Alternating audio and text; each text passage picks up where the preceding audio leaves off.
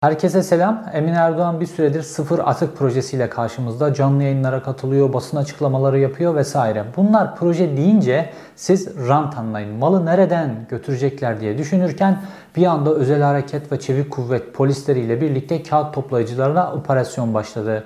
Fakat tartışmada kağıt toplayıcıları öne sürerek asıl rantı başka bir yerden, çöpteki asıl rantı başka bir yerden götürüyorlar. Başka bir organizasyon kuruluyor orada. Geçtiğimiz günlerde İsviçreli bir iş adamı servetimi Türklerin çöpünden kazandım diye bir açıklama yaptı.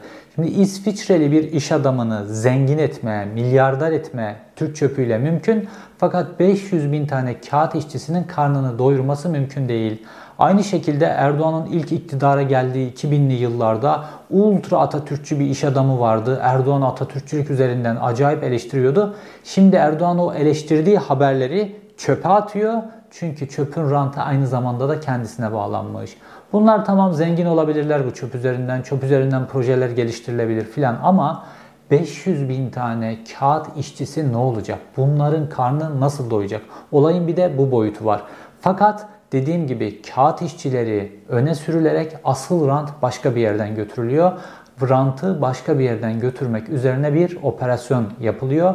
Çünkü artık çöplüğe kadar düştüler. Rant kapıları tek tek kapanıyor. Huzurlarınızda çöpteki rant dosyasıylayım.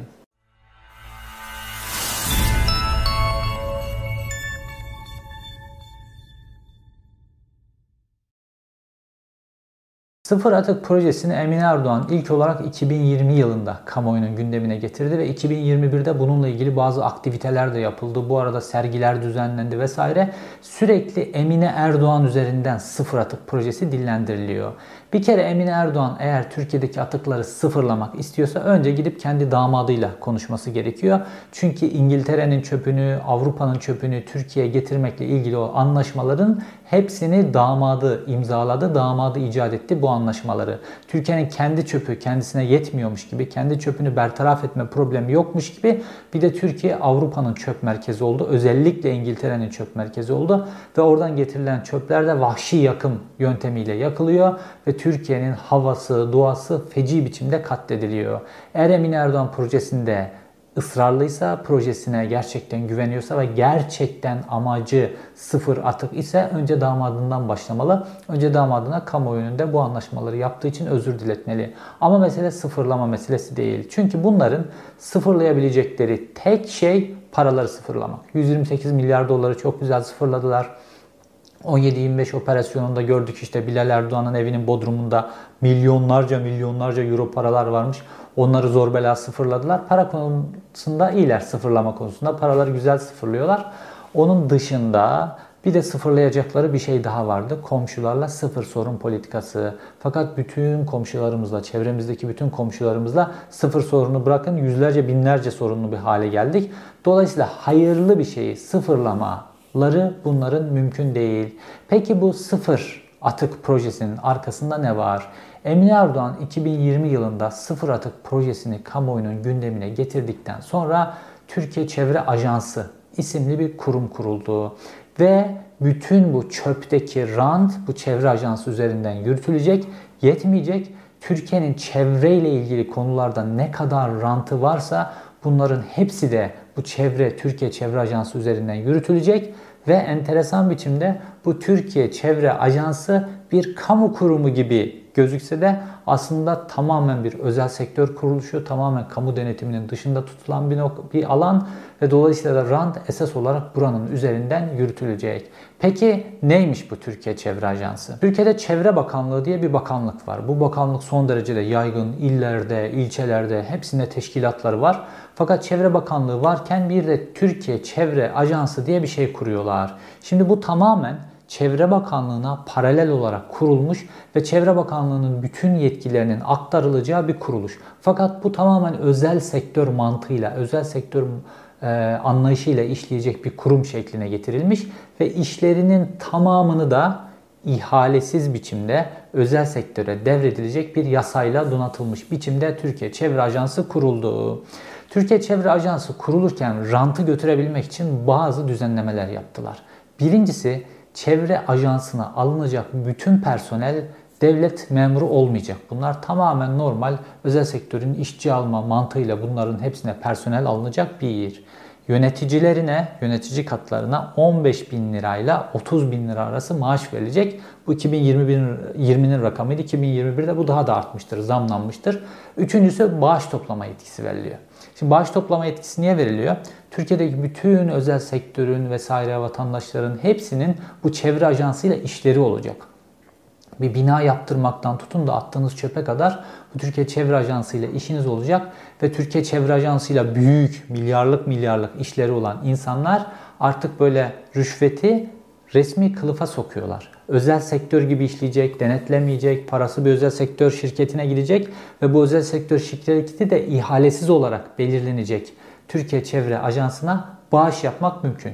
Yani belediyeler bu Covid döneminde muhalif belediyeler sırf bu pandemiyle ilgili bağış toplayıp da fakire fukaraya yardım yapıyor diye bunu yasaklayan, on mesela HDP'li belediyelerin Güneydoğu'daki illerde deprem olunca deprem bağışları toplamasını yasaklayan bu zihniyet bir tane çevre ajansı diye bir şey kuruyor ve oraya bağış toplama yetkisi veriyor. Çevreyle bağışın ne alakası var acaba? Zaten işte bir sürü çevreyle ilgili kuruluşlar var, dernekler vesaire. Bunlar bağış toplayabilir vakıflar ama buraya veriliyor. Niye? Çünkü artık o rüşveti komisyonu bu özel şey, sektör şirketine bağış şeklinde verecekler. Buradan artık rüşveti resmileştiriyorlar. Ayrıca en kritik konu çevre ajansı yapacağı işleri özel sektör firmasına ana olarak bir tane büyük işi var. Onu devredecek. Bir de teşhir edeceği işler var. Bunların hepsi bütün bu ihaleleri yani Türkiye Çevre Ajansı'nın vereceği ihalelerin tamamı kamu ihale kanununun dışında tutuldu yasa maddesiyle. İstediğine ihalesiz istediği işi verecek Türkiye Çevre Ajansı. Peki birinci görevi ne? Birinci görevi bu içtiğimiz su şişeleri var. Su içiyoruz plastik şişede, kola içiyorsun plastik şişede vesaire. Bütün bu plastik ambalajlı şeylerin hepsine e, belli bir oranda depozito eklenecek. Bu mesela Avrupa'da da böyle. Sözde Avrupa'dan kopyalanıyor ama Avrupa ile alakası yok. Mesela Avrupa'da bir tane plastik şişede bir su aldınız, içtiniz. Orada 25 sent bununla ilgili bir depozito veriyorsunuz peşin onu alırken. Sonra bu şişeyi geri verdiğinizde 25 sentinizi geri alıyorsunuz. Bununla ilgili de merkezi e, makineler var. O makineye gidiyorsunuz. Mesela evinizde birikmiş 50 tane, 100 tane böyle pet şişe tek tek tek atıyorsunuz. Ondan sonra oradan ya fiş alıyorsunuz ya paranızı alıp devam ediyorsunuz. Yani depozitoyu geri almış oluyorsunuz. Bu sistem bu plastik çöplerin geri dönüştürülmesi ilgili, geri dönüştürülmesinin kolaylaştırılması ile ilgili geliştirilmiş bir sistem Avrupa'da uygulanıyor. Fakat Avrupa'da merkezi bir yapı var. Çünkü siz aldığınızda o depozitoya o parayı ödüyorsunuz. Sonra o parayı geri tahsil ederken birinin size geri ödemesi lazım. Burada bir birisinin bu organizasyonu yapması lazım. O organizasyon Avrupa ülkelerinde merkezi bir yapı tarafından yapılırken Türkiye Çevre Ajansı böyle yapmıyor. Türkiye Çevre Ajansı bunu kendisi yapmıyor.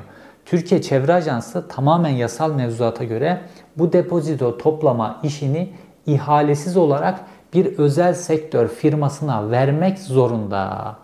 Peki Türkiye'de herhangi bir kamu kuruluşu ihalesiz olarak böylesine ve yıllık 10 milyar TL ile 20 milyar TL arasındaki bir pazar bu. Bu depozito, şişelerden alınacak depozito. Bu kadar büyük bir para yani eski parayla 20 katrilyonluk bir para Türkiye'de ihalesiz olarak kime yakın, kimin şirketine verilir? Tabii ki padişahın şirketine, tabii ki kralın şirketine verilir ve Türkiye'de de iş böyle yürüyecek. Dolayısıyla artık rant alanları tek tek tek tek tükendiği için böyle mega projeler yapıp o mega projelerden, geçiş garantili projelerden artık rant götüremedikleri için, onlara yatırımcı da olmadığı için şimdi artık gözümüzü, gözlerini diktiler Türkiye'nin çöpüne. Ve Türkiye'nin çöpünden bu depozito sistemi üzerinden ihalesiz bu rantı götürecekler bir. Fakat Avrupa ülkelerinden farklı olarak bir de oraya bir madde koydular. Bu depozito işini istedikleri gibi genişletebilecekler. Mesela diyecek ki Pillere de depozito koyuyorum diyor.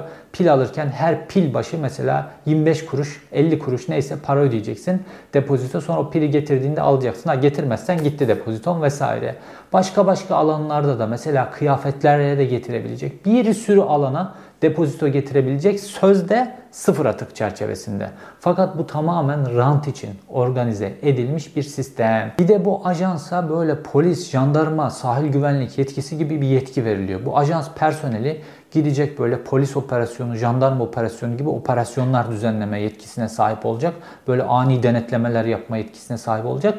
Bu alanda da kamunun bir yetkisi aslında Çevre Bakanlığı'nın yetkisinde olan bir yetki de bu e, özel sektör mü, kamu şirketi mi belli olmayan Türkiye Çevre Ajansı'na devrediliyor. Dolayısıyla kuvvetlendiriliyor orası.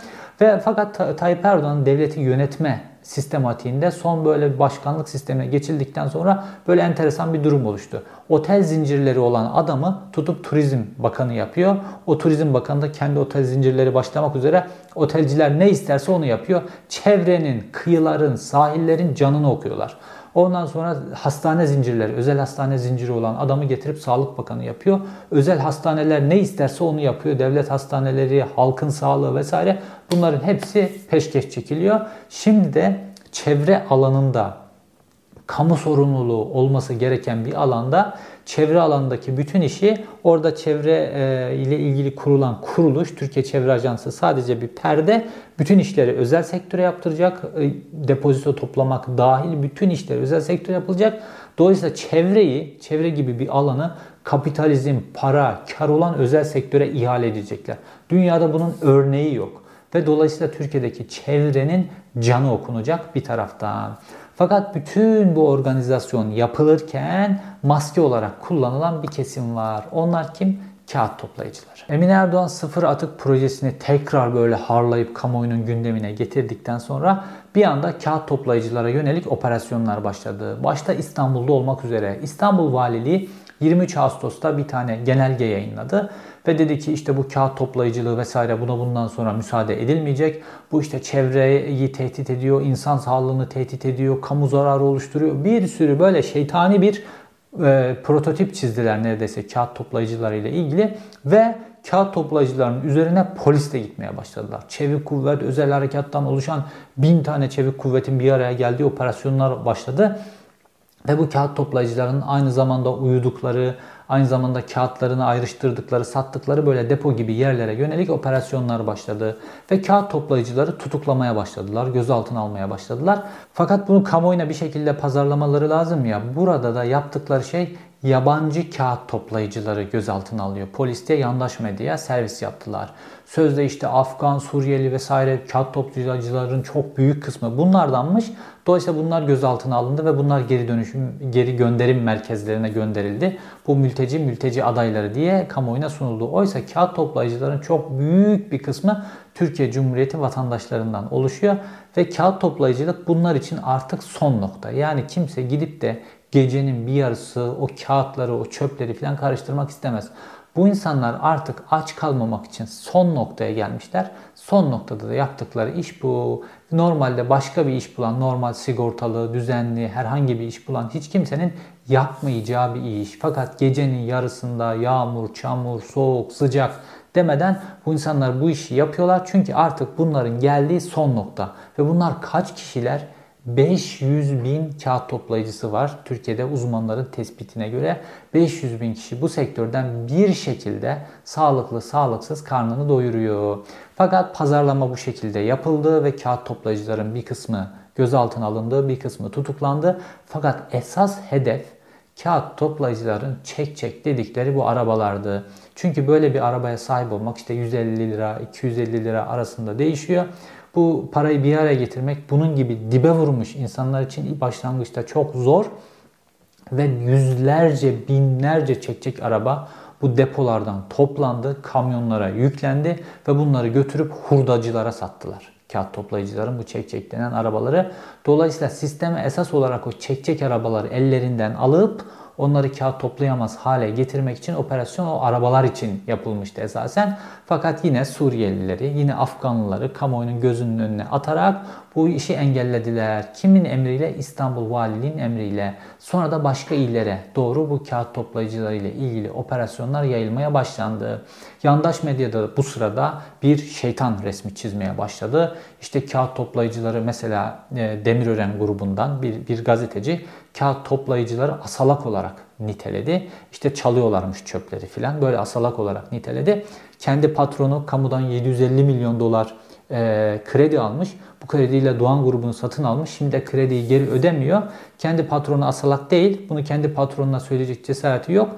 Çöpten kağıt toplayan adama asalak diyor. Bu kadar da Türkiye'de gazetecilikle dip yapmış vaziyette. Ya bu insanları çöpten, bu insanlara işsizlik sigortası mı veriyorsunuz? Bu insanlara Avrupa'daki gibi çalışmadıkları zaman hiç olmazsa karınlarını doyuracak, barınma problemleri giderecek bir ödeme mi yapılıyor? Yapılmıyor. Bu insanlar mecburen çöpleri karıştırıyorlar. Artık son nokta bu ve 500 bin kişiden bahsediyoruz. Yani bu bir asalaklık söz konusu değil yani. Bu insanları zaten bir yoksulluk içerisindeler. Yoksulluğa bir de dışlanma eklendiği zaman insanlar artık intihar noktasına giderler. Bu son derece tehlikeli bir oyun. Fakat bu oyun oynanıyor. Çünkü bu ranta da göz diktiler. Türkiye'de birkaç tane geri dönüşüm firması var. Belediyeler bu geri dönüşüm firmalarıyla anlaştılar ve çöpleri bu firmalara verdiler. Ve çöpleri bertaraf ediyorlar. Bertaraf etmenin karşılığında belediye bunlara bir ödeme yapıyor. Aynı zamanda da bunlar da belediyeden o çöp işini aldıkları için belediye çok cüz'i ödemeler yapıyorlar. Fakat çok büyük paralar kazanıyorlar buradan. Çünkü elektrik üretiyorlar, çünkü kompost üretiyorlar, çünkü geri dönüştürülebilir malzemeleri ayırıp satıyorlar onları. Mesela kağıt firmalarına satıyorlar, plastik firmalarına satıyorlar, cam firmalarına satıyorlar gibi ve çok yüksek paralar kazanıyorlar. İşte bu yüzden İsviçreli bir iş adamı servetimi Türklerin çöplüğünden kazandım diye daha geçtiğimiz günlerde bir röportaj verdi. Fakat bir tek mevzu kağıt ve plastik. Bu 500 bin kişinin rantı artık onu da istiyorlar. Yani elektrik üretiyorlar, devlete satıyorlar. Onun rantı vesaire. Bir de bu kağıt toplayıcıların rantını istiyorlar. Çünkü bu rantı işletenler de aynı zamanda bir şekilde yolları bu iktidarla kesişen kişiler. Türkiye'deki çöp rantını yiyen iki tane büyük firma var. Bunlardan bir tanesi Orta Doğu Grup, bir tanesi de İTC denen bir grup. Orta Doğu grup işte İstanbul, Antep gibi illerin birçok il daha var ama esas olarak bu büyük ilin çöplerini toplayıp bu çöplerinden para kazanıyor. Çöplerini ayrıştırıp daha doğrusu bu ayrıştırmadan para kazanıyor. İTC ise Ankara, Adana, Eskişehir ve bir dizi ilde bu işi yapıyorlar. Bunlar ne yapıyorlar? Bunlar bir kere önce elektrik üretme tesisi kurdular. Ve bu çöpler geliyor. Çöplerin yakılabilecek ve elektrik üretilebilecek olan kısımlarını ayırıyorlar ve bunları yakıyorlar ve buradan elektrik üretip devlete bu elektriği satıyorlar. Yani sizin attığınız çöp birisi için ranta dönüşüyor ve buradan elektrik üretiyorlar. Tamam güzel. Bu elektriği üretirken çevreyi ne kadar kirletiyorlar, bunun yakılması ile ilgili kurallara uyuyorlar mı filan, Çevre Bakanlığı bunu iyi denetliyor mu filan bu ayrı bir kısım. Buna şimdilik girmeyelim. Ayrıca işte diğer malzemeler var işte kağıdı, camı, o bu filan e, dönüştürülebilecek malzemeleri ayırıp bunları satıyorlar. Bir de bio dediğimiz malzemelerin hepsini bir araya getiriyorlar. Gıda artıkları gibi malzemeler. Bunları da kompost yapıyorlar. Bunlar da işte tarımda gübre olarak kullanılıyor. Bunları da satıyorlar. Burada çok büyük bir rant var. Fakat bu rantın sahipleri şimdi işte bu 500 bin kişinin rantına da göz dikmişler. Çünkü bu yaptıkları servet artık yetmiyor bu serveti daha da büyütmeleri lazım. Önce İTC grubundan başlayalım. Ali Kantur, İTC grubunun büyük patronu. İşte az önce bahsettiğim İsviçreli iş adamı vardı ya Türkiye'nin çöpünden zengin olan. Onunla ortak olarak başlıyorlar. Fakat şu an esas büyük hissedar, esas büyük kişi Ali Kantur. Ali Kantur geçmişte Tepe grubunun CEO'su olarak bilinen bir isim ve 2004 yılında bir açıklaması var medyaya düşen gazeteci Serpil Yılmaz'a konuşmuş Milliyet gazetesinden ve orada diyor ki kendi jenerasyonunu eleştiriyor. Diyor ki Mustafa Kemal Atatürk'ün kurduğu çağdaş, laik, demokratik cumhuriyeti sağlıklı büyütemedik. Bunun sorumlusu biziz Erdoğan bizim eserimiz diyor. Yani kendi jenerasyonunu eleştiriyor. Diyor ki biz layık demokratik cumhuriyete sahip çıkamadığı konu yeterince büyütemedik. İşte bu Erdoğan gibi gerici birisi geldi iktidarın başına demeye getiriyor. Burada kendi jenerasyonunu eleştiriyor. Tabi o zaman 2004 yılı askerler çok güçlü filan bu tip açıklamaların herhangi bir maliyeti yoktu. Onlara sırtını dayıyordu pek çok iş adamı vesaire. TÜSİAD'daki pek çok isim. Fakat şimdi Ali Kantur bu açıklamalarının tamamını Google'un arşivinden temizletmiş olacak ki bu tip açıklamalarını filan bulamıyoruz. Hatta o dönem Ali Kantur Tayyip Erdoğan'a Mustafa Kemal Atatürk'ün yurtta sulh, cihanda sulh açıklamasını yaptığı açıklamayı ve aynı zamanda da TBMM'nin açılışındaki yaptığı konuşmayı Tayyip Erdoğan'a göndermişti. Bu derecede de böyle Atatürkçülük konusunda protest bir adam. Fakat derenin altından çok sular aktı. Bu Ankara'nın çöpü meselesinde Ali Kantur'la Melih Gökçek arasında bir işbirliği oluştu ve Ali Kantur'un şu an baktığımızda Ali Kantur uçağını Süslü Süleyman'a kullandırtıyor filan böyle aralarından su süzmüyor. Rant söz konusu olunca işte Batı Türkçülükle ilgili açıklamalar filan bunların hepsi çöpe gidiyor, geri dönüşüme gidiyor. Dolayısıyla rant söz konusu olunca Erdoğan'la işbirliği yapan çok fazla çeşitli kesimler var. Bir gün Erdoğan rejimi işte bir gün Erdoğan rejimi gerçekten sorgulandığında ve yargılandığında bu işbirlikçilerin de bu şekilde açığa çıkartılması lazım. Şimdi Ali Kantur diyor ki bir çöp diyor eğer evdeyse bu çöp ev sahibine aittir, kişiye aittir. Fakat çöp evden çıkıp çöp tenekesine gittiği an artık bu çöp belediyeye aittir diyor. Biz de belediye ile işbirliğimiz var. Dolayısıyla bu çöp bizim diyor. Dolayısıyla kağıt toplayıcılar bu çöpten kağıt toplayamazlar diyor. Tamam belediye ile böyle bir anlaşma yapmış olabilirsiniz. Bu anlaşmanın nasıl yapıldığı da şaibeli bir anlaşma. Burada ne kadar rant götürülüyor, bunun karşılığında ne kadar belediye para veriliyor, vergiler şunlar bunlar filan bunlar hep karışık konular. Bunları bir tarafa bırakıyorum. Fakat devletin yöneticileri şu an polis gücüyle, özel harekatçılar, çevik kuvvet gücü, gücüyle kağıt toplayıcıların üzerine giden devletin yöneticileri. Burada bir realite var. Evet böyle bir anlaşma yapılmış olabilir fakat bu 500 bin kişi ne olacak? Yani kağıt toplayıcıların çek çek arabalarını polis soruyla ellerinden alabilirsiniz. Onları kağıt toplayamaz hale getirebilirsiniz. Devletin gücü var, polisi var, jandarması var, askeri var, osu var, bu var. Bunu başarabilir devlet. Fakat bu 500 bin kişiye ne olacak? Yani insanlar artık iş bulamamış, son noktaya dibe gelmiş, ondan sonra çöpleri karıştırmaya başlamış. Yani insanların dip noktası, Türkiye'de işsizliğin dip noktası bu. Bu insanların burası zaten kendileri de söylüyorlar. Bu bizim son durağımız. Bundan sonra gidecek bir yer yok. Bundan sonra ya intihar edecekler, ya açlıktan ölecekler ya da suça bulaşacaklar. Başka bir nokta yok yani. Dip nokta burası. Zaten çoğu mevsimlik işçi işte yazın az çok tarlalarında çalışıyorlar. Kışında gelip biraz bu işi yapıp biraz para biriktiriyorlar. İşte o kağıt toplama depolarında böyle pisliğin içerisinde yatıyorlar falan. Buna mecburlar çünkü çocuklarının karınlarını doyurmak, kendi karınlarını doyurmak. Birçoğunun öyle hatta evli bile değiller. Evlilik gibi bir hayalleri de yok çünkü hayatın dibindeler. Kendileri de söylüyorlar yani biz çek çek arabamızı sürüyoruz. Bir taraftan yanında Q7'nin yanından geçiyoruz. Türkiye'deki gelir dağılımının uçurumuna bakın. Yani bu insanların sorunlarını çözerseniz Avrupa'daki gibi bir sosyal devlet getirirsiniz. işsizlere düzgün evinin kirasını karşılayabileceği, gıdasını karşılayabileceği, giyimini karşılayabileceği bir işsizlik parası verirsiniz. Ondan sonra kimse kağıt toplamaz zaten. Ya da bu insanlara bir iş istihdam oluşturursunuz. Dolayısıyla bu insanlar iş normal sigortalı işlerde çalışırlar. Niye gidip gecenin bir yarısında yağmurda, çamurda, karda, kışta o kağıtları işte ıslak kağıtları, o çaylı kağıtları ayırıp da birkaç kuruş para kazanmak zorunda kalsınlar ki bunu kimse gönüllü yapmaz. Bu iş gönüllü yapılacak bir iş değil. Hatta şöyle enteresan bu kağıt toplayıcıları ile ilgili araştırma yaparken bir akademisyenin şöyle enteresan bir yazısını e, gördüm. Yani çeşitli meslek gruplarında herkesin işini sevdiği belli bir oran var. Bir mesleki memnuniyet var çeşitli meslek gruplarında. Fakat kağıt toplayıcılardan mesleki memnuniyet sıfır düzeyinde neredeyse. Hiç kimse bu işi yapmak istemiyor. Fakat bu işi yapmak zorundalar. Bu 500 bin kişi ölmemek için bu işi yapmak zorunda. Devletin bununla ilgili çözümü ne? Devletin bununla ilgili herhangi bu iktidarın bununla ilgili bir çözümü yok.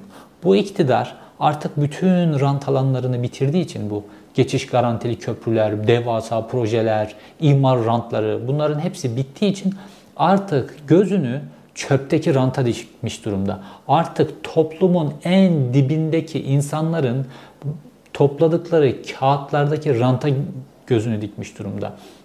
Şimdi deniyor ki bu kağıtlardan yıllık 10 milyar TL'lik burada bir e, gelir oluşuyor diyorlar. Bir kere bu geri dönüştürülüyor. Ormanlar kesilmiyor falan güzel bir şey. Bu evet.